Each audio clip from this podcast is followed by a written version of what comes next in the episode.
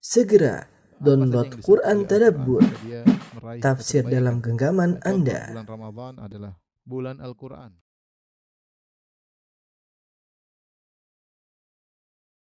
Bismillahirrahmanirrahim. Assalamualaikum warahmatullahi wabarakatuh. Alhamdulillahi ala ihsani wa syukru lahu ala taufiqihi wa amtinanihi wa asyhadu an la ilaha illallah wahdahu la syarika lahu ta'ziman li sya'ni wa asyhadu anna Muhammadan abduhu wa rasuluhu da'ila ridwani. Allahumma salli alaihi wa ala alihi wa ashabihi wa ikhwani. Para ikhwan dan akhwat, Bapak-bapak, Ibu-ibu, jemaah Majelis Ta'lim Al-Khonsa yang dirahmati oleh Allah Subhanahu wa taala. Eh, pada kesempatan yang bahagia ini kita akan bahas suatu permasalahan yang sangat penting yang merupakan senjata seorang mukmin yaitu berdoa kepada Allah Subhanahu wa taala. Kenapa dikatakan doa silahul mukmin? Doa adalah senjata seorang mukmin karena itu adalah tumpuan utama seorang mukmin. Bukan sebagaimana yang dipahami berusaha dulu baru berdoa, enggak. Kita berdoa dulu baru berusaha ya. Jadi jangan sampai kita menjadikan doa nomor dua, doa adalah yang pertama. Eh, semakin kita sering berdoa, semakin kita sering bertumpu kepada Allah Subhanahu wa taala maka akan semakin kuat uh, senjata kita. Oleh karenanya di antara kesalahan adalah mengenyampingkan doa. Ya, memandang doa adalah sebab yang tidak kuat padahal dia sebab yang terkuat. Karenanya Imam Syafi'i rahimahullah pernah berkata, "Atahza bid-du'a wa tasdarihi, fama tadri bima sana'ad du'a sihamul laili la yukhti walakin lahal amadu walil amadin qida'u." Ya. Kata Imam Syafi'i rahimahullah ta'ala, apakah kau meremehkan doa dan kau menganggap enteng doa? Kau tidak tahu apa yang bisa dilakukan oleh doa. Doa adalah panah yang dilepaskan di tengah malam, ya. Tidak akan salah. Ya, tetapi dia ada waktunya dan waktunya akan selesai. Artinya seorang berdoa, berdoa, berdoa, suatu saat akan dikabulkan doanya. Dan doa bisa melakukan banyak keajaiban di luar nalar seseorang. Ya. Oleh karenanya sekali lagi kita sedang berbicara tentang silahul mukmin, senjata seorang mukmin yaitu uh, berdoa kepada Allah Subhanahu wa taala. Dan doa adalah ibadah yang agung, bahkan bisa dikatakan ibadah yang teragung. Ya. Karena Nabi SAW pernah bersabda, "Ad-du'a'u huwal ibadah." Doa adalah ibadah. Ini seperti sabda Nabi SAW, "Al-hajju arafah." Haji adalah uh, wukuf di padang Arafah. Padahal kita tahu bahwasanya namanya haji uh, memiliki banyak kegiatan. Haji itu ada bukan cuma wukuf di padang Arafah, ada sa'i, ada tawaf, ada mabit di Mina, ada lempar jamarat ya. Banyak kegiatan, ada ihram, ya, ada tahallul. Tetapi Nabi mengkhususkan al-hajju Arafah, haji itu adalah wukuf di padang Arafah untuk menunjukkan bahwasanya inti daripada ibadah haji adalah wukuf di padang Arafah. Demikian juga ketika Nabi bersabda, ad-du'a'u huwal ibadah. Doa adalah ibadah itu sendiri. Dalam sebagian riwayat dengan sanad yang lemah, ad-du'a mukhul ibadah. Doa adalah intisari ibadah. Artinya apa? Benar-benar uh, doa itu dalam doa benar-benar nampak bukti seorang sebagai hamba Allah Subhanahu wa taala. Kita lihat seorang jika sedang berdoa, dia mengangkat kedua tangan, kemudian dia minta kepada Allah, dia mengakui dia seorang hamba, dia minta kepada Tuhannya. Situlah benar-benar terlihat dia sebagai hamba yang sedang memperbudak dirinya kepada Rabbul Alamin. Ya, yang terkadang itu tidak terlihat ketika seorang baca Quran, ketika seorang sedang puasa misalnya ya. ya. E, tetapi ketika dia sedang meminta, merendahkan dirinya, menghinakan dirinya, minta kepada Rabbul Alamin, benar-benar bukti bahwasanya dia adalah seorang hamba. Makanya Nabi bersabda, doa huwal ibadah. Doa adalah intisari ibadah. Karenanya syirik yang paling berbahaya adalah syirik fit doa, syirik dalam doa. Kata Allah Subhanahu wa taala, "Wa man adallu mimman yad'u min dunillahi ma la yastajibu lahu ila yaumil qiyamah." Siapa yang lebih sesat daripada orang yang berdoa kepada selain Allah? Syirik ada syirik menyembelih kepada selain Allah, ada syirik percaya kepada ramalan dukun, ada syirik pakai jimat ya, ada syirik bernazar kepada selain Allah Subhanahu wa taala. Ada syirik berdoa kepada selain Allah. Ini syirik yang paling parah. Karena Allah suka lihat hambanya dalam kondisi terhina, tertunduk, penuh pengharapan dan itu ter, ter, terkumpul pada seorang yang sedang berdoa. Tahu-tahu kondisi yang sangat indah tersebut, merendahkan diri, menghinakan diri, dia berikan kepada selain Allah. Dia berdoa kepada mayat, berdoa kepada wali, berdoa kepada nabi, ya. Maka tidak ada syirik yang lebih parah daripada syirik berdoa kepada selain Allah Subhanahu wa taala. Ini saya ingin kasih mukadimah bahwasanya doa adalah ibadah yang sangat agung. Ya. Makanya Allah mengatakan ya, Wa qala rabbukum ud'uni astajib lakum. Innal ladzina yastakbiruna an ibadati sayadkhuluna jahannama dakhirin. Dan Rabbmu berkata, berdoalah kepadaku niscaya akan aku kabulkan. Innal ladzina yastakbiruna an ibadati. Sungguhnya orang yang sombong tidak mau beribadah kepadaku, yaitu tidak mau berdoa kepadaku, ya, maka aku akan masukkan dalam neraka yang yang hina, ya. Jadi uh, orang yang berdoa kepada Allah, Allah cinta kepadanya. Orang tidak mau berdoa, Allah benci kepadanya. Kata Nabi sallallahu alaihi wasallam, uh, "Man lam yas'alillah yaghdab minhu." Siapa yang tidak meminta kepada Allah, Allah benci kepadanya. Sebaliknya orang yang sering meminta kepada Allah, maka semakin mulia di sisi Allah Subhanahu wa taala. Kata, kata Nabi sallallahu alaihi wasallam, "Laisa syai'un akrama 'ala Allah minad du'a." Tidak ada yang lebih mulia di sisi Allah seperti doa, doa yang paling mulia. Karenanya orang yang paling banyak berdoa dialah Nabi Muhammad sallallahu alaihi wasallam. Yang paling banyak berdoa. Semakin seorang merendahkan dirinya kepada Allah, semakin bergantung kepada Allah, semakin tinggi. Ini kaidah. Disebutkan oleh Ibn Taimiyah rahimahullahu taala. Semakin seorang menghinakan dirinya di hadapan Allah, semakin bergantung kepada Allah Subhanahu wa taala, semakin merendahkan dirinya di hadapan Allah, maka dia semakin semakin tinggi di sisi Allah Subhanahu wa taala. Dan orang yang paling kuat berdoa adalah Nabi Muhammad sallallahu alaihi wasallam. Selalu dalam kegiatannya selalu diiring dengan berdoa kepada Allah Subhanahu wa taala. Makanya kita dapati buku-buku doa. Banyak sekali doa, ya. Bahkan Nabi kadang mencontohkan dalam satu kegiatan doanya bermacam-macam ya. Doa sujud saja bermacam-macam, doa rukuk bermacam-macam ya, misalnya. Eh, doa istiftah bermacam-macam ya. Eh, kemudian juga misalnya banyak ya Rasulullah contohkan eh, doa-doa yang menunjukkan beliau suka berdoa kepada Allah Subhanahu wa taala. Kenapa? Karena rasa ketergantungan kepada Allah sangat sangat tinggi.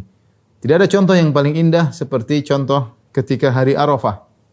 Ketika hari Arafah Nabi melakukan haji wada, maka Nabi SAW berdoa dari sejak solat duhur dan asar, yaitu Rasulullah jamak takdim, solat duhur asar. Kemudian Rasulullah SAW berdoa sampai maghrib, mungkin 6 jam, mungkin 5 jam. Berdoa di bawah terik matahari, mengadakan kedua tangannya, minta kepada Allah Subhanahu Wa Taala. Sampai ketika tali kekang untanya satu terjatuh, Rasulullah SAW memegang tali kekang untanya dengan tangan satunya dan tangan satu tetap mengadah ke langit meminta kepada Allah Subhanahu Wa Taala. Padahal siapa dia Nabi sallallahu alaihi wasallam? Dialah orang yang pintu surga tidak akan terbuka kecuali yang mengetuknya Rasulullah sallallahu alaihi wasallam. Dialah orang yang telah diampuni dosa-dosanya yang telah lalu dan akan datang. Dialah Nabi sallallahu alaihi wasallam orang termulia yang Allah pernah bersumpah dengan umurnya la amruka demi umurmu wahai Muhammad sallallahu alaihi wasallam. Ya. Orang yang pernah dinaik sampai ke Sidratul Muntaha untuk ber, bertemu langsung dengan Allah mendengar mendapatkan perintah langsung dari Allah Subhanahu wa taala. Itu pun Nabi SAW berdoa dengan uh, waktu yang panjang dengan penuh tadarru. Dan tidak semua orang bisa demikian. Saya beberapa kali haji bersama para masyayikh atau para ulama. Subhanallah, ketika waktu wukuf mereka berdoa. Mereka berdoa, mereka menangis lama. Saya juga heran, subhanallah. Tidak semua orang bisa demikian. Kita berdoa mungkin kalau musim haji, kita berdoa 10 menit selesai. Bingung minta apa lagi ya. Kayaknya sudah selesai, kayaknya kebutuhan kita sudah tercukupi. 10 menit bingung minta apa lagi. Ya. Mereka sampai berjam-jam berdoa kepada Allah Subhanahu wa taala. Berdoa berjam-jam ya, mengangkat kedua tangan sambil menangis, luar biasa ya. Kita iri melihat kondisi mereka yang uh, luar biasa ya. Intinya, ikhwan dan akhwat yang dirahmati Allah Subhanahu wa taala, doa ini adalah senjata seorang mukmin dan uh, siapa yang berdoa maka dia beribadah kepada Allah dengan ibadah yang agung, semakin sering dia berdoa, semakin tinggi mulia kedudukannya di sisi Allah Subhanahu wa taala. Inilah bedanya Tuhan dengan makhluk. Kalau makhluk kita minta, semakin sering kita kita semakin hina di hadapan Dia. Lama-lama dia merendahkan kita. Tapi kalau Allah Subhanahu wa taala semakin dimintai, maka semakin uh, sayang kepada hamba yang uh, meminta. Karenanya Nabi mengajarkan kita untuk meminta dalam segala hal, Sampai dalam satu hadis disebutkan lias ala ahadukum rabbahu hatta syirakan alihi. Hendaknya salah seorang dari kalian berdoa kepada Robnya, meminta kepada Robnya, meskipun hanya untuk memperbaiki tali sendalnya. Memperbaiki tali sendalnya. Sampai sebagian salaf mengatakan ada di antara mereka, aku berdoa kepada Allah sampai memintakan garam buat makananku, aku minta kepada Allah Subhanahu wa taala. Ya. ya. Lihatlah Nabi Musa alaihissalam ketika dia lapar dia berdoa kepada Allah Subhanahu wa taala seperti Allah kisahkan dalam dalam surat Al-Qasas. Ya. thumma tawalla ila dhil faqala rabbi inni lima anzalta ilayya min khairin faqir. Nabi Musa alaihissalam ketika dia lapar, dia pun bernaung di bawah sebuah pohon. Kemudian dia berdoa, Rabbi ini lima anzalta ilayya min khairin faqir. Ya Allah, aku butuh dengan kebaikan darimu. Kata para ahli tafsir, para sahabat, Nabi Musa minta makan. Sebagian mengatakan Nabi Musa minta, Ya Allah berikanlah aku roti. Dia lapar, minta kepada Allah Subhanahu wa taala. Nanti Allah yang kasih caranya bagaimana apakah dia kerja, apakah ada yang undang ada. Dan ternyata setelah itu benar ada seorang wanita datang mengundang dia untuk makan di rumah bapaknya sebagaimana Allah sebutkan dalam kisah Musa alaihissalam dalam surat Al-Qasas. Tapi ini mukadimah menjelaskan tentang bagaimana uh, agungnya berdoa. Ya. Doa adalah ibadah yang sangat agung, sangat mulia. Seorang semakin banyak berdoa dimuliakan oleh Allah Subhanahu Wa Taala. Sekarang kita bicara tentang adab-adab berdoa. Ada ada empat poin yang akan kita bahas. Pertama adab berdoa, kemudian yang kedua sebab dikabulkannya doa, yang ketiga penghalang dikabulkannya doa, yang kelima waktu-waktu mustajab. Ini semua berkaitan dengan pengabulan doa.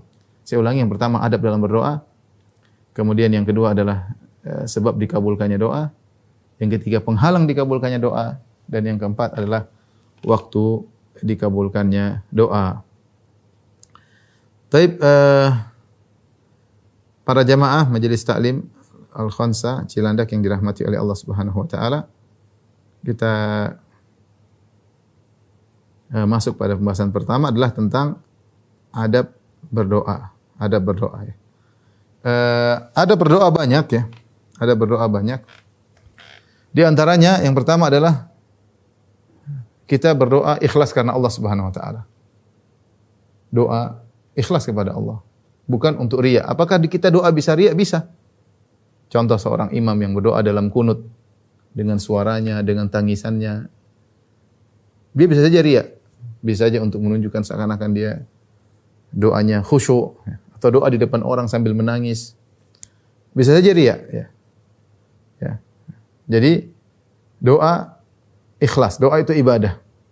Atau bergaya di depan Ka'bah kemudian foto, itu kan doa juga. Tapi belum tentu ikhlas. Ya. Nah, pura-pura begini, kemudian difoto. Jadi doa adalah ibadah. Kata Allah Subhanahu wa taala, "Wa ma umiru illa liya'budullaha mukhlishina lahuddin." Seorang berdoa, kalian tidak diperintahkan untuk beribadah kecuali ikhlas kepada Allah Subhanahu wa taala. Doa harus ikhlas. Ya. Karena seorang terkadang ya kita namanya riya itu bisa masuk kapan saja. Doa disajak-sajakkan, doa di di apa di apa namanya dibuat indah di kayak di apa kayak membaca puisi misalnya ya kita tidak nuduh orang tapi kita bicara tentang diri kita kita doa ikhlas ya makanya di antara bentuk keikhlasan kita berdoa dengan suara yang lirih tidak perlu orang tahu dengar tapi Allah Maha mendengar kita dengar dan Allah Maha mendengar ini yang pertama ikhlas kepada Allah Subhanahu wa taala kemudian yang kedua eh, berdoa dengan nama-nama Allah. Nama-nama Allah yang sesuai dengan apa yang kita minta ya. Kita kalau minta sesuatu kita sesuai dengan nama Allah. Misalnya kita minta anugerah kita bilang innaka antal wahhab. Sungguhnya engkau adalah Maha Pemberi anugerah. Seperti doanya Nabi Sulaiman. Wahabli mulkan la yang bagi li ahadin min ba'di innaka antal wahhab. Ya Allah anugerahkanlah kepada aku suatu uh, kerajaan kekuasaan yang tidak seorang pun boleh memiliki kekuasaan seperti itu. Innaka antal wahhab, sungguhnya engkau adalah Maha Pemberi anugerah ya. Ya, misalnya kita mengatakan ya ya, ya Razzaq urzuqni. Innaka khairur raziqin wa anta khairur raziqin.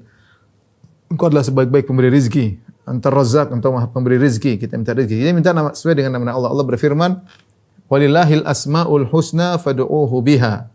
Allah memiliki nama-nama yang terindah, maka berdoalah memintalah kepada Allah dengan nama-nama terindah tersebut. Nah, ini harus kita pelajari mana-mana nama-nama Allah. Seperti kita mengatakan ya Allah, ustur, usturni ustur aurati, ya sitir, ya, ya sitir wahai zat yang menutup, maha menutup, tutuplah auratku, misalnya. Yang kita minta kepada Allah, ya. Jangan sampai aurat kita terbuka di dunia apalagi di akhirat. Sungguh kita malu jika aib-aib kita dibongkar ya. Allah mastur aurati, wa amin rawati ya Allah tutuplah auratku dan tenangkanlah jiwaku ya ya sitir wahai maha uh, menutup aib wahai maha, maha yang menutup aib intinya kita berdoa dengan nama-nama yang sesuai dengan eh, per- permohonan kita, ya. Kalau kita berdoa agar Allah menghancurkan musuh, kita bilang ya Qawi, ya Aziz, ya Qahar, wahai yang maha kuat, wahai yang maha perkasa, wahai yang maha menguasai, ya. Eh, apa namanya? eh, apa namanya? Kita ya, kita berdoa intinya kita menggunakan nama-nama Allah yang sesuai dengan yang kita kita minta. Dan ini perlu belajar tentang nama-nama Allah. Tapi kalau kita nggak tahu karena kita kurang belajar, kita yang mudah aja kita bilang Robbi, Robbana, Allahumma cukup. Ya, kalau seorang tidak tidak pandai mengetahui nama-nama Allah secara detail, maka dia cukup mengatakan Robbana atau ya Robbi, Allahumma. Ini insya Allah sudah cukup karena banyak juga doa-doa para ambia, para nabi mereka dengan Robbana atau Robbi. Ya, karena kalau perkataan Robku, Tuhanku ini sudah mencakup banyak hal ya. Tapi kalau bisa orang bisa berdoa dengan lebih spesifik, itu lebih baik. Spesifik lebih lebih lebih baik. Eh, kemudian di antara adab dalam berdoa memuji Allah Subhanahu wa taala. Memuji Allah Subhanahu wa taala. Kita puji Allah ap- apalagi di, di, di muka sebelum sebelum tadi eh, menyebut nama Allah kita puji Allah Subhanahu wa taala. Dan tiada doa-doa Nabi demikian memuji nama memuji Allah dalam banyak doa Nabi sallallahu alaihi. Seperti Nabi berdoa, Allahumma anta nurus samawati wal ard wa man fihin walakal hamdu anta uh, malikus samawati wal ard wa man fihinna walakal hamdu. Anta qayyumus samawati wal ard wa man fihinna walakal hamdu. Antal haqqu wa wa'dukal haqq. Dalam doa yang panjang Rasulullah berdoa ya Allah sungguhnya Allah pemberi cahaya langit dan bumi. Ya dan apa yang ada di antara keduanya. Ya Allah engkau adalah penguasa alam semesta. Ya Allah engkau adalah pengurus alam semesta. Engkau adalah maha benar. Janjimu benar. Puji. Rasulullah muji kemudian Rasulullah SAW minta kepada Allah Subhanahu wa taala Ya, seperti contoh dalam doa-doa zikir pagi petang ya. Seperti Allahumma fatiras samawati wal ard, alimal ghaibi wasyahada, rabbakul rabba kulli syai'in wa malika. Asyhadu an la ilaha illa anta. A'udzubika min syarri nafsi wa syarri syaitani wa syirki. Wa naktarifa ala nafsi su'an au jurra ila muslim. Seperti doa pagi petang. Ya, dibuka dengan pujian kepada Allah, Allahumma fatiras ya Allah engkau adalah pencipta langit dan bumi. Alimul ghaib wa syahada yang mengetahui sesuatu yang nampak maupun yang tersembunyi. Allahumma fatis samawati alimul ghaib wa syahada. Rabb kulli syai'in malika. Engkau adalah pencipta segala sesuatu dan engkau yang menguasai segala sesuatu. Asyhadu alla ilaha illa anta aku bersaksi tidak ada sembah yang berhak disembah kecuali engkau. Ini contoh kita memuji Allah sebelum kita meminta. Ya. Contoh seperti Al-Fatihah. Al-Fatihah itu isinya pujian. Alhamdulillahi rabbil alamin segala puji bagi Allah rabbil alamin. Ar-Rahmanir Rahim yang Maha Pengampun, yang Maha pengampun, eh, pengasih lagi Maha Penyayang. Malik Yaumiddin yang menguasai hari pembalasan. Tidak ada yang berani berbicara di hari tersebut. Yang menguasai hanya Allah Subhanahu wa taala. Ya. Iyyaka na'budu wa iyyaka nasta'in. Pujian lagi hanya kepada Engkau lah kami mohon. Hanya kepada Allah kami mohon pertolongan, hanya kepada Allah kami beribadah. Baru ihdinas siratal mustaqim. Ini permintaannya. Ihdinas siratal mustaqim. Jadi sebelum kita bilang ihdinas siratal mustaqim, ya Allah berikan petunjuk jalan yang lurus, kita kasih mukaddimah dengan bismillahirrahmanirrahim. Alhamdulillahirabbil alamin arrahmanir rahim maliki yaumiddin iyyaka na'budu iyyaka nasta'in. Dengan empat pujian baru kita bilang ihdinas siratal mustaqim. Ini contoh bahwasanya eh, kita memuji Allah Subhanahu wa taala sebelum meminta. Kalau kita tidak pandai memuji Allah dengan dalil-dalil yang ada dalam Al- dalam Al-Qur'an maupun dalam hadis-hadis Nabi sallallahu alaihi wasallam, kita bicara bahasa Indonesia apa? Ya Allah, Engkau Tuhanku. Engkau penciptaku. Engkau yang memuliakan aku. Engkau yang beri rezeki kepadaku. Ya, engkau yang menghidupkan aku, ya. Engkau yang beri petunjuk kepadaku. Kita puji dengan bahasa Indonesia enggak ada masalah. Terus kita puji-puji sampai benar-benar kita terenyuh kita minta kepada Allah Subhanahu wa taala. Ya, sampai-sampai kita terenyuh kita minta kepada Allah Subhanahu wa taala. Makanya Nabi SAW ketika di padang mahsyar ketika dia memberi syafaat, maka Nabi SAW sujud di bawah arsh. Kemudian fayuf fa, fa, fa, yuftah alayya mahamid. Maka dibukakanlah bagi Nabi SAW pujian-pujian yang Allah Nabi tujukan kepada Allah. Nabi muji Allah sambil sujud. Yang kata Nabi, la uhsinu hal'an. Sekarang saya tidak tahu pujian-pujian tersebut. Tapi nanti di padang mahsyar ketika saya sujud di bawah arsy Allah, Allah akan ajarkan saya bagaimana memuji Allah Subhanahu wa taala ya. Jadi ini adab, adab ketika kita ingin meminta kepada Allah, kita puji Allah Subhanahu wa taala. Yang sebisa kita ya. Yang sebisa, sebisa kita.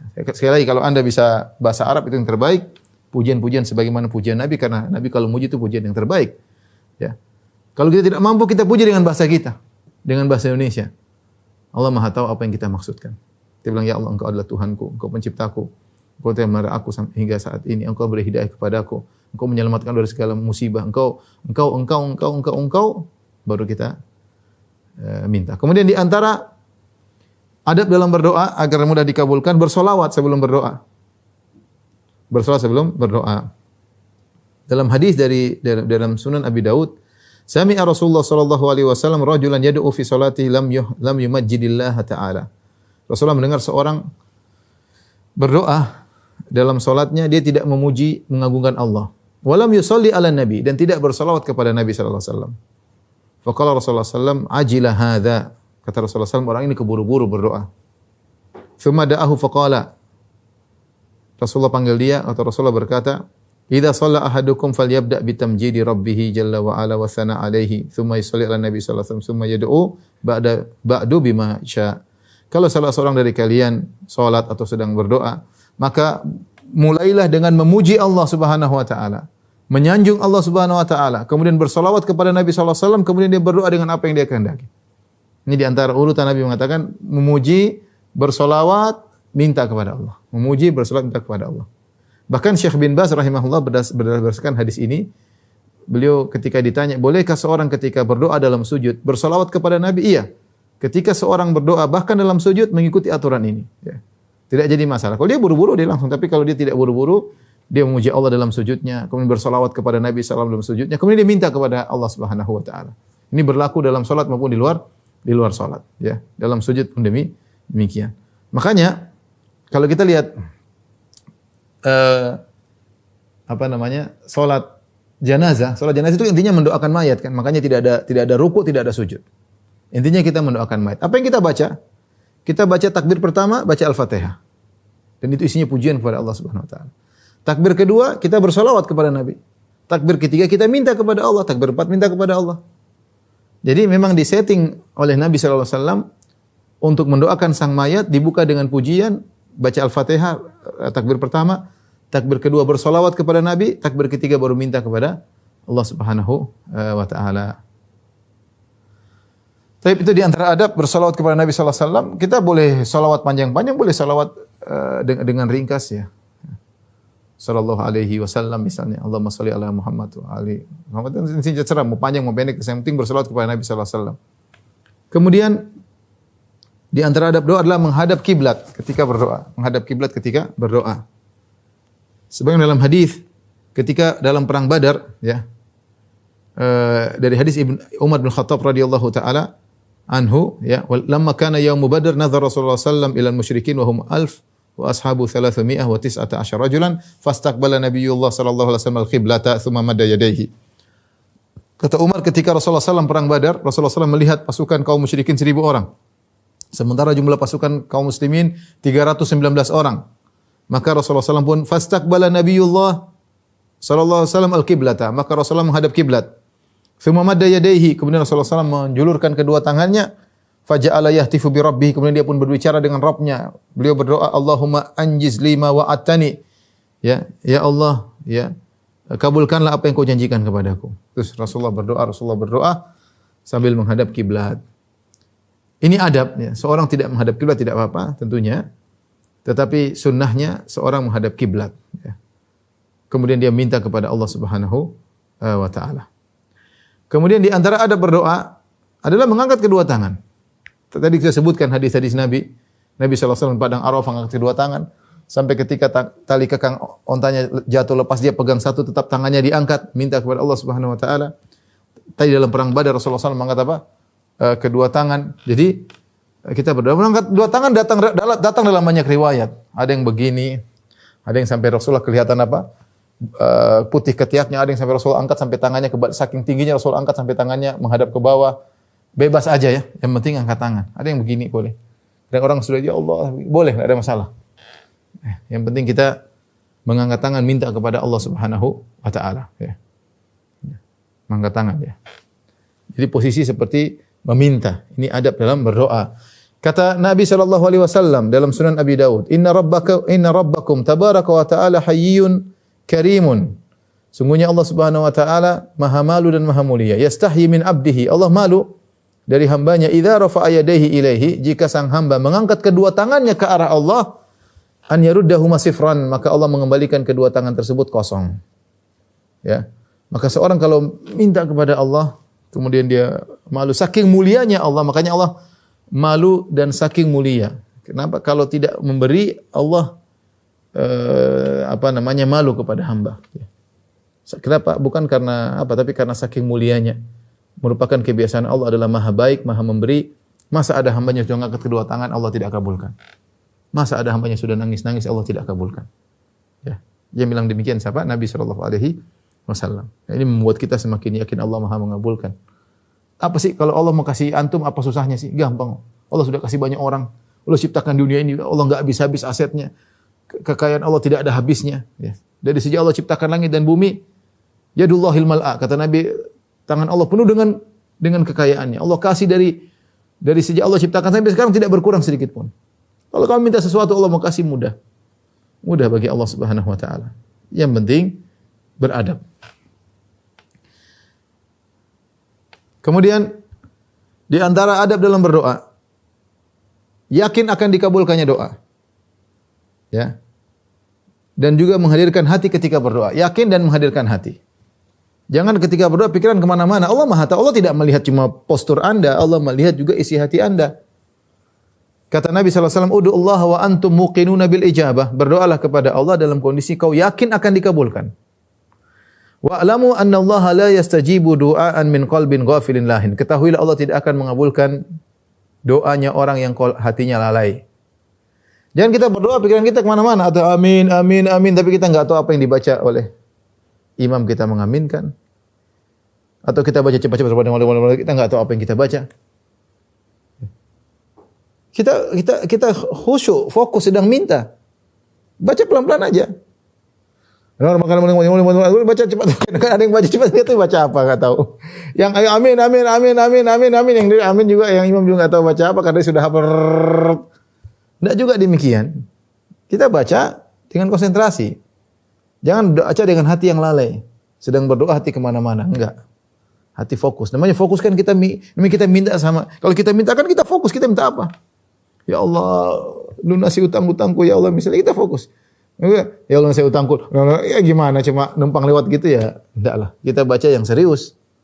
Baca yang serius. Kalau perlu nangis, diulang ya. Makanya tidak di antara ada doa adalah diulang ya. Yang, yang yang pertama tadi kita sebutkan selain selain hati harus hadir, Mungkin bil ijabah. Yakin Allah mudah mengabulkan. Saya bilang tadi, apa susahnya bagi Allah untuk mengabulkan doa Anda? Kalau itu maslahat, pasti Allah kabulkan. Pasti. Tidak ada susah bagi Allah, tapi mungkin engkau melakukan satu penghalang atau mungkin tidak maslahat. Allah lebih tahu. Tapi maksud saya, kenapa kau tidak, kenapa kau, maksudnya Allah, kenapa curiga Allah tidak kabulkan? Apa susahnya Allah mengabulkan doamu?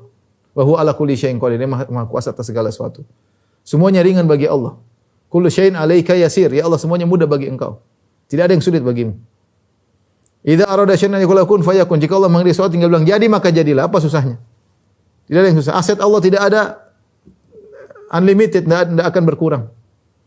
Allah mengatakan, "Lau anna awwalakum wa akhirakum wa insakum wa jinnakum kanu ala sa'idin wahidin fasa'aluni fa'atai fa'ataitu kulla kulla wahidin minkum mas'alatahu ma naqasa min mulki syai'."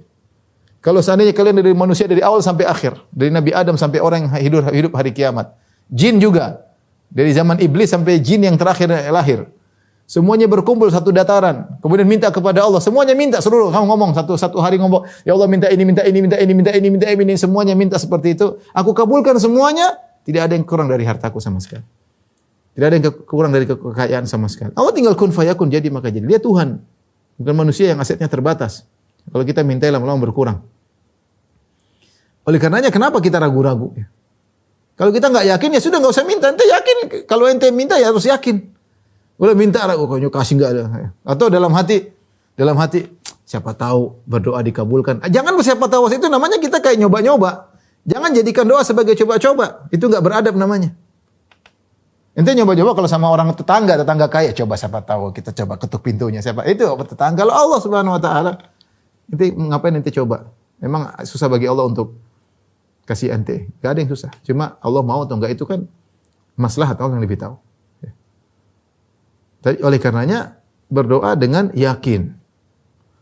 Berdoa dengan yakin. Apalagi dalam hadis Qudsi Allah mengatakan, Ana inda dhodni abdi bi. Aku berdasarkan perasaan hambaku padaku. Ini ini main main, perasa, main perasaan ini. Karena memang kita bicara agama, bicara keyakinan. Bicara akidah. Nanti tinggal perbaiki akidah ente. Perbaiki keyakinan anda. Husnudzon kepada Allah. Ya. Ana inda dhanna ana inda abdi bi. Aku berdasarkan prasangkaan hambaku kepadaku. Falyadhunna abdi bi masya'a. Hendaknya sang hamba berprasangka kepadaku dengan apa yang dia kehendaki. In dhanna khairan falahu. Kalau dia berprasangka baik bagi dia kebaikan. Wa in dhanna syarran falahu. Kalau dia berkehendak berprasangka buruk terhadapku bagi dia keburukan. Taib. Ada berikutnya menetapkan hati ketika berdoa. Jangan ragu-ragu. Kata Nabi SAW, La yakulanna ahadukum Allah maghfirli in syi'ta. Jangan seorang sekali-sekali salah seorang dari kalian berdoa, Ya Allah ampuni aku jika kau berkehendak. Jika enggak juga enggak apa-apa. Ini enggak boleh. Ya Allah ampunilah aku. Allahumma in syi'ta. Ya Allah rahmatilah aku jika kau mau. Enggak usah begitu. Bila ya Allah marhamni. Ya Rahman, Ya Rahim. Ya Rahman as-sama ya rah, rah, rah, Rahman as-samawati wal ardi wa rahimahuma. Ya. Wahai Maha Rahman di langit dan bumi dan penyayang yang ada di langit dan di bumi. Irhamni rahmatilah aku. Jangan bilang in syi'ta kalau kau mau ya Allah. Kalau enggak juga enggak apa-apa. Seakan-akan kita enggak butuh sama Allah. Nah, doa itu Kenapa kita berdoa? Karena menunjukkan kita butuh kepada Allah Subhanahu wa taala. Kita butuh kepada Allah Subhanahu wa taala. Maka ketika berdoa jangan jangan jangan hatinya harus fokus dan mantapkan hati bahwasanya kita minta kepada Allah. Ya, harapan kita kita fokuskan kepada Allah. Ya. Jangan kita ragu-ragu. Di antara ada berdoa. Ini sangat penting. Berdoa dengan penuh ketundukan. Adabnya kita tunduk, adabnya kita menghinakan diri kita. Semakin kita menghinakan diri kita, maka semakin doa kita mudah dikabulkan. Makanya paling mudah dikabulkan ketika seorang sujud. Itulah kondisi dia sangat-sangat rendah. Ya. Wa ammas sujud fajtahidu fid du'a. Adapun sujud maka bersungguh-sungguh dalam doa. Faqaminu istajaba lakum maka sangat mudah dikabulkan bagi kalian ketika berdoa dalam sujud. Kenapa? Kata Nabi SAW, Akrabu ma yakunul abdu min rabbihi wa huwa sajid. Kondisi seorang sangat dekat dengan Allah ketika sedang sujud. Ya akhi, ente sujud. Selama ente bisa sujud, ente minta kepada Allah. Ya. Mereka para salaf dahulu hobi sujud. Minta kepada Allah subhanahu wa ta'ala. Abdullah bin Zubair diriwayatkan bagaimana beliau kalau sudah sujud habis sholat maghrib beliau tidak angkat kepalanya kecuali azan isya. Sujud. Curah curahkan seluruh apa yang anda minta kepada Allah. Anda lagi dekat-dekat dengan Allah. Anda meletakkan bagian tubuh yang paling Anda muliakan, diletakkan di tanah. Anda mengatakan subhana rabbiyal a'la wa bihamdihi. Maha Allah yang maha tinggi. Anda maha rendah dan Allah maha tinggi. Saat itulah mudah dikabulkan. Oleh karenanya kenapa orang musafir mudah di antara kemuliaan orang musafir doanya mudah dikabulkan? Karena dalam dalam kondisi prihatin. Dia musafir jauh dari istri, jauh dari rumah, tidak biasa makan yang biasa dia makan, tidak bisa tidur di tempat yang dia tidur. As-safaru atau minal adab. Safar adalah potongan daripada kesulitan. Seorang terpisah dari makanannya, terpisah dari minumannya, terpisah dari keluarganya, terpisah dari enggak enak. Di saat itulah rahmat Allah turun. Dia lagi lagi rendah-rendahnya. Maka dia minta kepada Allah Subhanahu wa taala. Makanya Nabi SAW mengatakan, Rubba ash'ath akbar Madfu'un bil adu abwab. Lau aksama Allahi la abarrahu. Betapa banyak orang yang mungkin rambutnya semerawut. Akbar badannya penuh dengan debu, kakinya penuh dengan debu. Madfu'un bil abwab. Kalau dia ketuk pintu enggak ada yang bukain, tapi kalau dia bersumpah atas nama Allah, Allah kabulkan. Makanya ketika para jamaah di padang Arafah mereka minta kepada Allah. Kenapa mudah dikabulkan? Di antaranya banyak sebab, tapi di antaranya karena kondisi mereka yang Jauh dari kesombongan, pakai kain ihram. Sampai Allah mengatakan kepada para malaikat, "Unduru ila ibadi haula ja'uni syu'than gubran." Wahai para malaikat, lihatkah hamba-hambaku datang kepada aku. Di padang Arafah, syu'than gubran, rambut mereka semerawut penuh dengan debu. Ushidukum anni qad ghafartu lahum. Saksikan aku telah ampuni dosa-dosa dosa mereka. Madza yuridun? Apa mereka yang hendaki? Apa yang mereka inginkan datang ke padang Arafah? Ya. Jadi semakin kita merendah, semakin kita mudah dikabulkan apa? doanya ya. Makanya orang uh, musafir mudah dikabulkan doanya, orang yang sujud merendahkan dirinya mudah dikabulkan oleh Allah Subhanahu wa taala. Ya. Makanya Allah mengatakan Ud'u rabbakum tadarruan wa khufyah. Berdoalah kepada Tuhanmu dengan merendahkan diri dengan suara yang lembut. Allah suruh tadarru dengan tadarru. Allah mengatakan wadhkur rabbaka fi nafsika tadarruan wa khifah wa dunal jahri minal qaul. Sebutlah nama Tuhan dalam hatimu dengan merendahkan diri dan takut. Allah mengatakan ya eh, wa yad'unana raghaban wa rahaban. Mereka para nabi mereka berdoa kepada kami raghaban wa rahaban dengan harap dan cemas. Ya. Wa kanu lana khashi'in dan mereka tunduk khusyuk kepada kami. Maka di antara adab dalam berdoa adalah seorang merendahkan dirinya. Maka ketika Nabi SAW berdoa ketika sholat istisqa dengan kondisi yang tadarru, merendahkan diri, merendahkan diri. Ya. Taib di antara adab dalam berdoa mengulangi tiga kali. Dari hadis Ibnu Mas'ud radhiyallahu taala anhu. Dalam hadis yang panjang Nabi berdoa kemudian kata Ibnu Mas'ud wa kana idza da'a da'a salasan. Adalah Nabi SAW kalau berdoa doa mengulangi tiga kali. Ini di antara kita mengulang doa kita. Mungkin pertama kita hanya baru terbetik, kedua kita lebih fokus dan ketiga kita lebih menghayati. Maka kita ulang tiga kali tidak jadi masalah bahkan itu sunnah Nabi dalam berdoa sallallahu alaihi wasallam. Kemudian di antara adab dalam berdoa yaitu tidak mengeraskan suara tapi dengan suara yang lirih. Ya kecuali kita jadi imam ya. Tapi kalau kita sendiri tidak usah teriak-teriak. Kita dan itu menunjukkan kekhusyuan dan menunjukkan keyakinan. Kita bisik-bisik dan Allah Maha mendengar. Subhanallah betapa indahnya seorang sujud kemudian dia bisik-bisik dalam dalam doanya meminta kepada Allah Subhanahu wa taala. Kata Allah Subhanahu wa taala, "Wala tajhar bi salatika wa la tukhafit biha wa bataghi baina dzalika sabila." Jangan kalian mengeraskan doa kalian dan jangan pula merendahkannya tapi di tengah-tengah. Jangan tidak ada suara, ada suara tapi lirih dan jangan diangkat. Ya.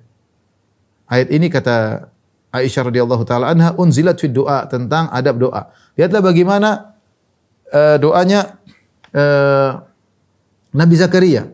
Ini kita contohkan doa doa Nabi Zakaria agar kita lihat praktek Nabi ketika berdoa. Kata Allah Subhanahu wa taala, "Kaf ya ain sad, dzikr rahmati rabbika abdahu Zakaria." Ini penyebutan tentang rahmat Allah kepada hambanya Zakaria. Idnada rabbahu nidaan khafiyya. Tatkala dia berdoa kepada Robnya dengan suara yang lirih. Nidaan khafiyya dengan suara yang lirih. Qala rabbi inni wahana al-azmu minni wasya'ala ra'su syaiba. Ya Allah, tulangku sudah lemah. Ya Robku. Pertama dia muji nama Allah. Dia mengatakan, Ya Robku. Ya Tuhanku, penciptaku, pemberi rezekiku, Ya Robku. Inni wahanal azmu minni. Sungguh tulangku sudah lemah. Beliau sudah sangat tua. Wasya'ala ra'su syaiba dan rambutku semua sudah putih, enggak ada satu helai pun yang hitam. Walam akum bidu'aika rabbi syaqiyya, tapi aku tidak pernah putus asa untuk berdoa kepadamu. Subhanallah husnudzon yang luar biasa. Secara sebab sudah enggak ada. Bagi, dia minta dia ingin punya anak, sebab sudah enggak ada, dia udah tua, rambut udah putih semua, istrinya mandul, tapi dia mengatakan walam akum bidu'ai rabbika syaqiyya. Wa inni khiftul mawali yami warai wa kanat imraati akhirah. Kemudian disebutkan hajahnya, ya Allah, kalau saya meninggal siapa yang ngurus Bani Israel? Siapa yang ngurus Bani Israel? Wa kanat imraati akhirah sementara istriku mandi, mandul. Fahabli min ladunka waliya. Anugerahkanlah kepadaku anak yang akan mengurus mereka semua. Waja'alhu rabbi radiyya. Jadikanlah dia hamba yang diridhai oleh engkau. Subhanallah. Allah kabulkan. Ya Zakaria inna nubasyiruka bi gulamin ismuhu Yahya. Jadi intinya lihat ini doa contoh. Doa yang dipanjatkan oleh Nabi Zakaria mengumpulkan berbagai macam adab. Dia muji Allah Subhanahu wa taala. Dia berdoa dengan ikhlas, tidak ada yang tahu.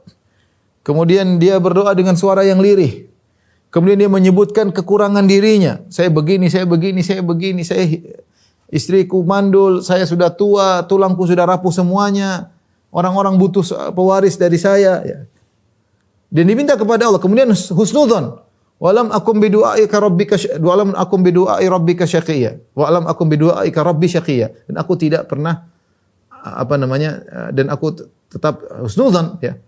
Bahwasanya engkau akan mengabulkan doaku ya. Ini ini dikumpulkan adab doa oleh Nabi Zakaria alaihissalam ya. Ya maka tinggal kita kita berbicara dengan Allah Subhanahu wa taala. Dan alhamdulillah berdoa kepada Allah mudah. Langsung minta Kata Allah Subhanahu wa taala, "Wa idza sa'alaka ibadi anni fa inni qarib. Ujibu da'watad da'i idza da'an." Kalau hamba-hambaku bertanya kepada engkau wahai Muhammad tentang aku, fa idza sa'alaka ibadi kalau hamba-hambaku bertanya kepada engkau wahai Muhammad tentang aku, fa inni qarib sungguhnya aku dekat. Ujibu dakwah, aku ini mengabulkan, aku sangat dekat mudah mengabulkan doa. Kalau ada yang berdoa aku akan kabulkan. Dan ini berbeda dengan pertanyaan-pertanyaan yang ditujukan kepada Nabi dalam ayat-ayat yang lain.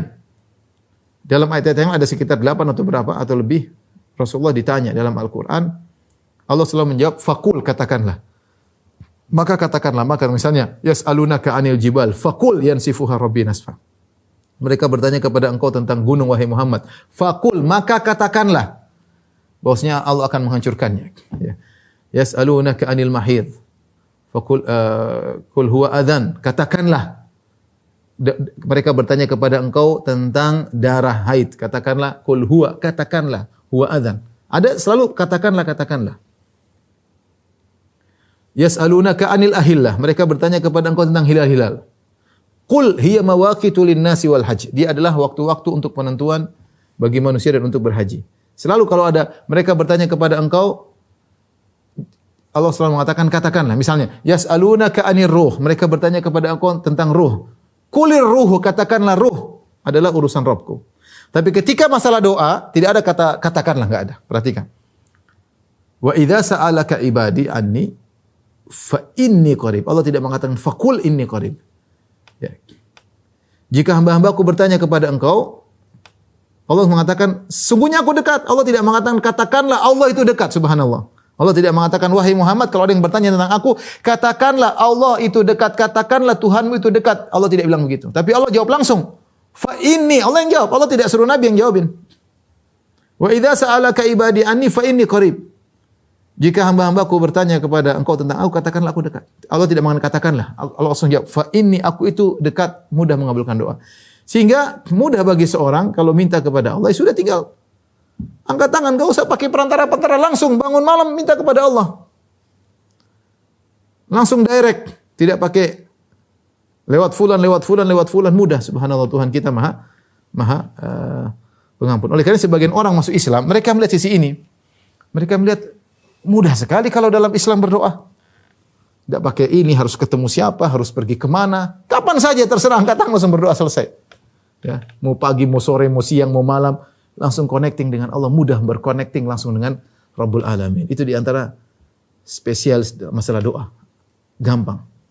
Gampang. Oleh karenanya seorang uh, beradab ketika uh, berdoa ya. Ini tadi adab-adab dalam doa ya. Uh, Kemudian juga di antara adab menghindari doa keburukan untuk diri sendiri, anak maupun harta. Jangan berdoa untuk keburukan. Kata Nabi SAW, La tad'u al anfusikum. Jangan doakan keburukan atas diri kalian. Celaka kita, mampus kita, binasa kita. Jangan. Wala tad'u ala auladikum. Mampus kamu, setan kamu, sinting kamu, marah-marah sama anak ngomong yang kasar. Wala tad'u ala amwalikum. Jangan doakan keburukan pada harta kalian. Hancur bisnis kita. Eh, apa namanya? Jangan. La tuwafiqu minallahi sa'atan yas'alu fiha ata'un fajastajibu lakum. Jangan sampai kalian mengucapkan sesuatu yang pas dengan waktu di mana tidaklah Allah diminta dengan suatu permohonan kecuali dikabulkan bahaya. Oleh karena orang kalau berdoa, doa yang baik-baik. Tapi kita selesai ada berdoa, kita baca dengan singkat sekarang sebab dikabulkannya doa. Sebab dikabulkannya doa. Di antara sebab dikabulkannya doa, mau dimasukkan sebab bisa juga adab, itu tulus dalam berdoa, tulus. Ya. Dalam hadis kata Nabi SAW, Man talaba syahada sadiqan u'tiyaha. Walau lam tusibhu. Barang siapa yang benar-benar tulus, sadiqan, tulus, minta agar bisa mati syahid, maka dia akan dikabulkan meskipun dia tidak mati syahid. Ya. Ketulusan, benar-benar. Minta benar tulus, ya Allah, minta tulus. Bukan riak, bukan karena coba-coba, benar-benar tulus. Man sa'alallah syahadata bisidqin, ballaghahu Allahu manazila syuhada wa in mata ala firashi. Kata Nabi SAW, barang siapa yang mohon kepada Allah untuk bisa mati syahid dengan tulus, maka Allah akan berikan menyampaikan dia pada kedudukan para syuhada meskipun dia meninggal di atas tempat tidur, meskipun tidak berperang. Ini uh, sebab dikabulkan doa adalah tulus dalam berdoa. Tadi sudah disebutkan juga di antara sebab dikabulkan doa berhusnudzan kepada Allah Subhanahu wa taala. Sebab dikabulkannya doa adalah banyak beramal sunnah. Beramal sunnah. Segala sunnah yang kita bisa kita kerjakan. Sufyan Atsauri berkata, "Law istata'ta alla tahukka ra'saka illa bisunnah faf'al." Kalau kau mampu tidak menggaruk kepalamu kecuali ada dalilnya maka lakukan. Artinya segala kegiatan kita kalau bisa ada dalilnya. Saya mau begini ada sunnahnya atau tidak? Saya mau begini ada sunnahnya atau tidak? Semakin kita sering menjalankan sunnah sampai akhirnya kita mencapai derajat wali. Kalau sudah mencapai derajat wali, kita berdoa mudah dikabulkan.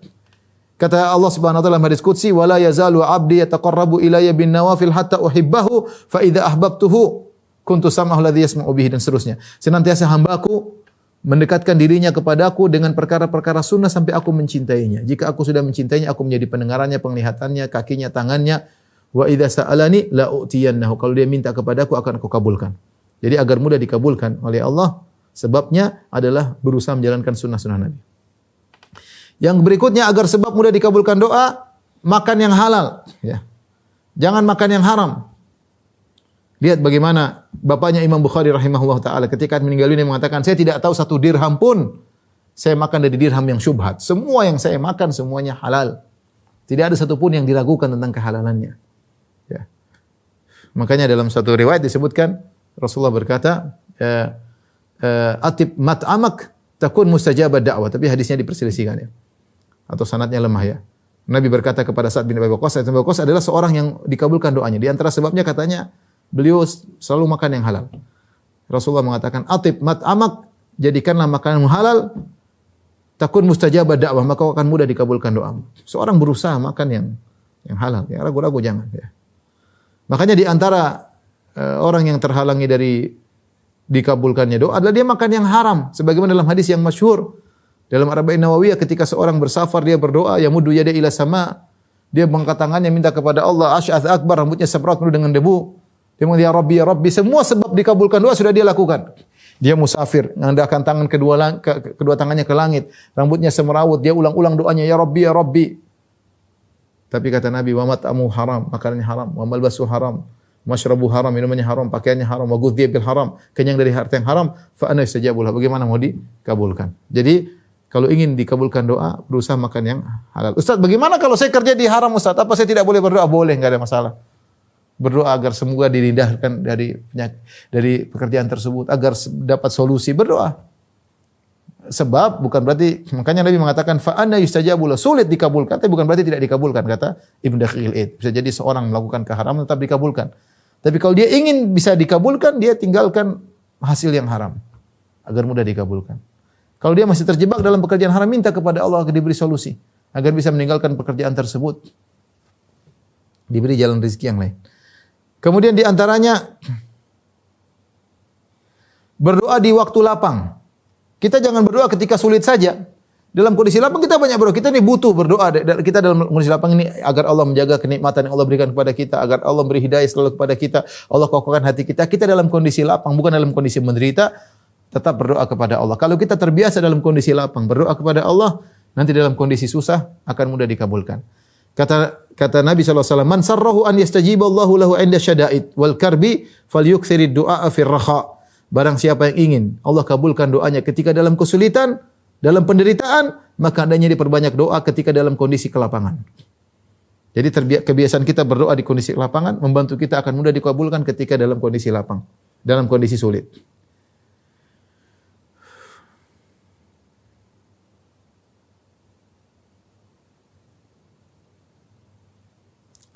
Waktu mau habis ya. Taib. Uh, adapun penghalang dikabulkan doa, ya misalnya doa yang tidak baik, misalnya doa agar uh, ber, minta dengan perbu- suatu dosa, minta agar orang itu, ya Allah jadikanlah dia orang yang uh, terjerumus dalam maksiat misalnya, enggak boleh doa seperti itu enggak boleh. Atau ya Allah jauhkan aku dari dia, padahal itu kakak sendiri itu adik sendiri berarti doa untuk putuskan silaturahmi.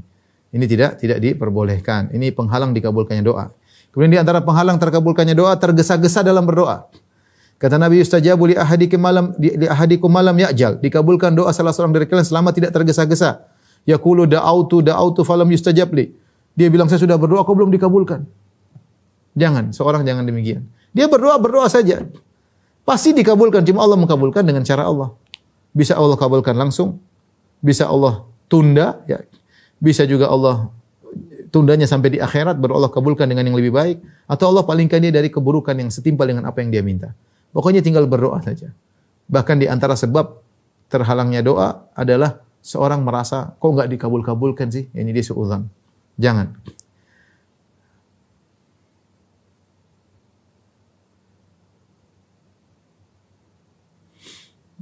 Tentu banyak penghalang tapi saya cukupkan ini. Taib yang terakhir waktu-waktu dikabulkan doa. Saya baca cepat-cepat saja. Uh, yang pertama hari Arafah tentunya. Seorang kalau dapat kemuliaan sampai di padang Arafah. Tanggal 9 Dhul Hijjah. Maka silakan berdoa dari ibadah zuhur sampai maghrib. Setiap detik adalah detik emas. Setiap detik adalah luar biasa. Ya. Khairul doa doa yaumil Arafah. Kata Nabi sebaik-baik doa doa hari Arafah. Sebaik-baik doa. Makanya Nabi tadi di duhur sampai maghrib berdoa enggak berhenti. Ya. Maka Anda kalau diberi kesempatan oleh Allah sudah keluarkan duit, apalagi haji plus, apalagi haji super plus. Jangan hari Arafah jalan sana, jalan sini, foto sana, foto sini, ngobrol sana, ngobrol lihat berita, lihat berita, ngapain? Berdoa. Pokoknya begitu waktu tank habis sholat duhur, asar jamak takdim berdoa. Kalau potong mungkin ngantuk sedikit, istirahat sedikit. Kalau nggak makan, sisanya berdoa. Keluar sana di tengah lapangan. Nabi dulu keluar dengan ontanya di bawah terik matahari Nabi berdoa. Ya. Jadi waktu hari Arafah ini e, berdoa sangat sangat tepat ya. Hari Jumat, hari Jumat juga waktu dikabulkannya doa, ada dua pendapat yang paling kuat yaitu sejak imam duduk pada khutbah kedua dia duduk sampai selesai sholat. Kalau imam duduk kita boleh berdoa. Berdoa. Demikian juga dalam sholat Jumat kita dalam kita dalam sholat kita berdoa dalam sholat kita itu juga waktu dikabulkan. Yang kedua adalah ba'da asar di waktu-waktu terakhir menjelang maghrib. Ya, ini juga waktu mudah dikabulkan ketika hari Jumat. Kemudian sepertiga malam yang terakhir ketika Allah turun ke langit dunia dan Allah mengatakan hal man da'in siapa di antara ada adakah yang berdoa kepada aku akan aku kabulkan doanya. Hal min sa'il fa su'lah adakah yang minta kepada aku akan kabulkan permohonannya. Hal min mustaghfirin adakah yang memohon ampun akan aku ampuni dosa-dosanya. Ya akhi ini saat-saat indah tiap malam kita punya kesempatan. Bangun malam ya akhi meskipun seperempat jam meskipun 20 menit meskipun 5 menit angkat tangan berdoa kepada Allah Subhanahu wa taala. Allah sedang turun lagi ke dunia, Allah sedang mencari hamba-hambanya yang mau cari muka kepada Allah, mencari perhatian Allah. Saatnya Allah berikan pemberian. Sebab orang orang tanya, Ustaz saya punya masalah. Saya bilang ente sholat tiap malam satu bulan, insya Allah ada perubahan. Mungkin kalau ente tulis sehari sudah berubah. Kok ragu-ragu? Jangan ragu-ragu, itu bukan bukan coba-coba, ini yakin. Salat malam berdoa tiap malam, masa Allah nggak perhatian? Ente cari muka tiap malam, masa nggak diperhatikan? Orang semua sudah sedang tidur, ente bangun cari muka. Masa Allah nggak perhatikan? Allah lebih sayang kepada ente daripada ibu ente kepada ente. Makanya seorang yakin ya, minta kepada Allah di waktu-waktu yang mulia tersebut. Ketika terjaga di tengah malam, kata Nabi SAW, Man ta'arra minal lail, siapa yang terjaga di tengah malam, kaget terjaga, maka dia langsung berzikir, La ilaha illallah wahdahu la syarika, lahul mulk wa hamdu wa huwa kulli syai'in qadir, walhamdulillah subhanallah wa la ilaha illallah la akbar, wa la hawla wa la quwata illa billah. Zikirnya mudah ya. Cuma La ilaha illallah la syarika lahul mulku wa lahul hamdu wa qadir. Kemudian subhanallah walhamdulillah wa la ilaha illallah akbar wa la quwwata illa billah. Kemudian dia berdoa. Dia boleh berdoa, Allahumma ghfirli, ya Allah ampunilah aku. Au da'a ustijiba lahu. Atau dia berdoa dengan doa apa pun maka dikabulkan. Kenapa ini hamba terjaga di tengah malam? Yang pertama dia ingat Tuhannya, luar biasa. Apa balasannya? Yang pertama dia ingat Tuhannya dan dia memuji Tuhannya, dia minta Allah kabulkan. Kita sering terjaga di tengah malam, tiba-tiba mimpi, tiba-tiba terjaga dengar suara, Langsung kita la ilaha illallah dahulu syarika lahul mulk. Cuma satu menit enggak sampai. La ilaha illallah dahulu syarika lahul mulk wa lahul kulli syai'in qadir. Subhanallah alhamdulillah wa la ilaha illallah akbar. Allahumma ghfirli. Tidur lagi enggak ada masalah. Tidur lagi atau doa yang lain. Allah kabulkan. Ketika turun hujan juga. Kata Nabi SAW, Utlubu istijabat doa inda salas. Mintalah Carilah dikabulkannya doa pada tiga kondisi. Indal tiqa'il jush, tatkala bertemu musuh dalam peperangan. Wa iqamatis salat, tatkala uh, menjelang salat dilaksanakan. Wa nuzulil ghaith ketika turun hujan, ya. Kemudian ketika sujud sudah kita jelaskan tadi, antara adzan dan iqamat dikabulkan la yuraddu du'a bainal adzan wal iqamat. Tidak ditolak doa antara adzan dan iqamat. Kemudian ketika berpuasa hingga berbuka, sedang berpuasa mudah dikabulkan terutamanya ketika menjelang berbuka. Kemudian ketika sedang dizalimi, berdoa kepada Allah, dakwatul mazlum, laisa bainaha wa bainallah hijab. Sungguhnya seorang doanya orang dizalimi tidak ada penghalang antara dia dengan Allah Subhanahu wa taala. Kemudian di antaranya di malam Lailatul Qadar, jelas ya. Kemudian eh, di di penghujung salat wajib dubur salat, ketika kita sedang tasyahud jangan lupa berdoa kepada Allah Subhanahu wa taala. Ketika bersafar ya, dan ketika minum air zam-zam, ma'u zam-zam lima syuribalahu, air zam-zam tergantung niat orang yang meminumnya. Ketika dia minum, dia berdoa dengan doa apa pun mudah dikabulkan. Allah alam bisawab, demikian saja eh, para pemirsa, ikhwan dan akhwat dari Majelis Taklim Al-Khansa yang bisa sampaikan. Mudah-mudahan bermanfaat. Semoga kita menjadi hamba yang senantiasa berdoa kepada Allah. Semoga doa kita dikabulkan. Dan tidak saya kali lagi saya tutup tidak ada tidak ada tidak ada ruginya kita berdoa. Jangan dibilang saya rugi, enggak ada ruginya. Kita berdoa, kalau kita berdoa, mau dikabulkan atau tidak versi kita, tetap kita dapat pahala karena kita sedang melakukan ibadah yang agung. Jadi doa itu ibadah yang agung. Yang penting kita adabnya ada, yakin, minta, merendah. Adapun pengabulan Allah pasti kabulkan. Tidaklah seorang berdoa kecuali Allah kabulkan dengan salah satu dari tiga cara. Yaitu Allah kabulkan langsung. Tu'ajjalalahu da'watuhu Allah kabulkan. Ya. Atau atau yang kedua Allah apa namanya Allah mengakhirkan sampai hari kiamat nanti. Ya. Atau yang ketiga Allah yasrifu anhu Allah jauhkan dari dia keburukan yang semisal apa yang dia minta. Jadi nggak ada ruginya. Pasti dikabulkan. Cuma cara pengkabulan terserah Allah Subhanahu wa taala. Saya pengalaman, saya pernah berdoa. Berdoa mungkin berapa tahun, dua tahun saya berdoa. Terus saya nggak berdoa lagi. Tapi Allah kabulkan entah tahun ketiga, tahun keempat, pas waktunya. Pas waktunya. Mungkin kalau dikabulkan saat itu saya rasa kurang pas. Kita pikir-pikir lagi, iya kurang pas kalau sekarang. Ternyata Allah kabulkan, Allah kabulkan, Allah kabulkan saat yang diperlukan Allah kabulkan. Kalau enggak Allah kabulkan juga nanti pahalanya besar di akhirat. Jadi enggak ada ruginya Anda berdoa, Anda berdoa enggak ada ruginya. Pertama Anda beribadah, sama Anda baca Quran beribadah, Anda berdoa juga ibadah yang agung. Wallahu alam demikian saja eh, rekan-rekan majelis taklim Al Khansa yang dirahmati Allah Subhanahu wa taala. Insyaallah kita lanjutkan pada kesempatan yang lain. Kurang lebihnya saya maaf. Wabillahi taufiq Assalamualaikum warahmatullahi wabarakatuh.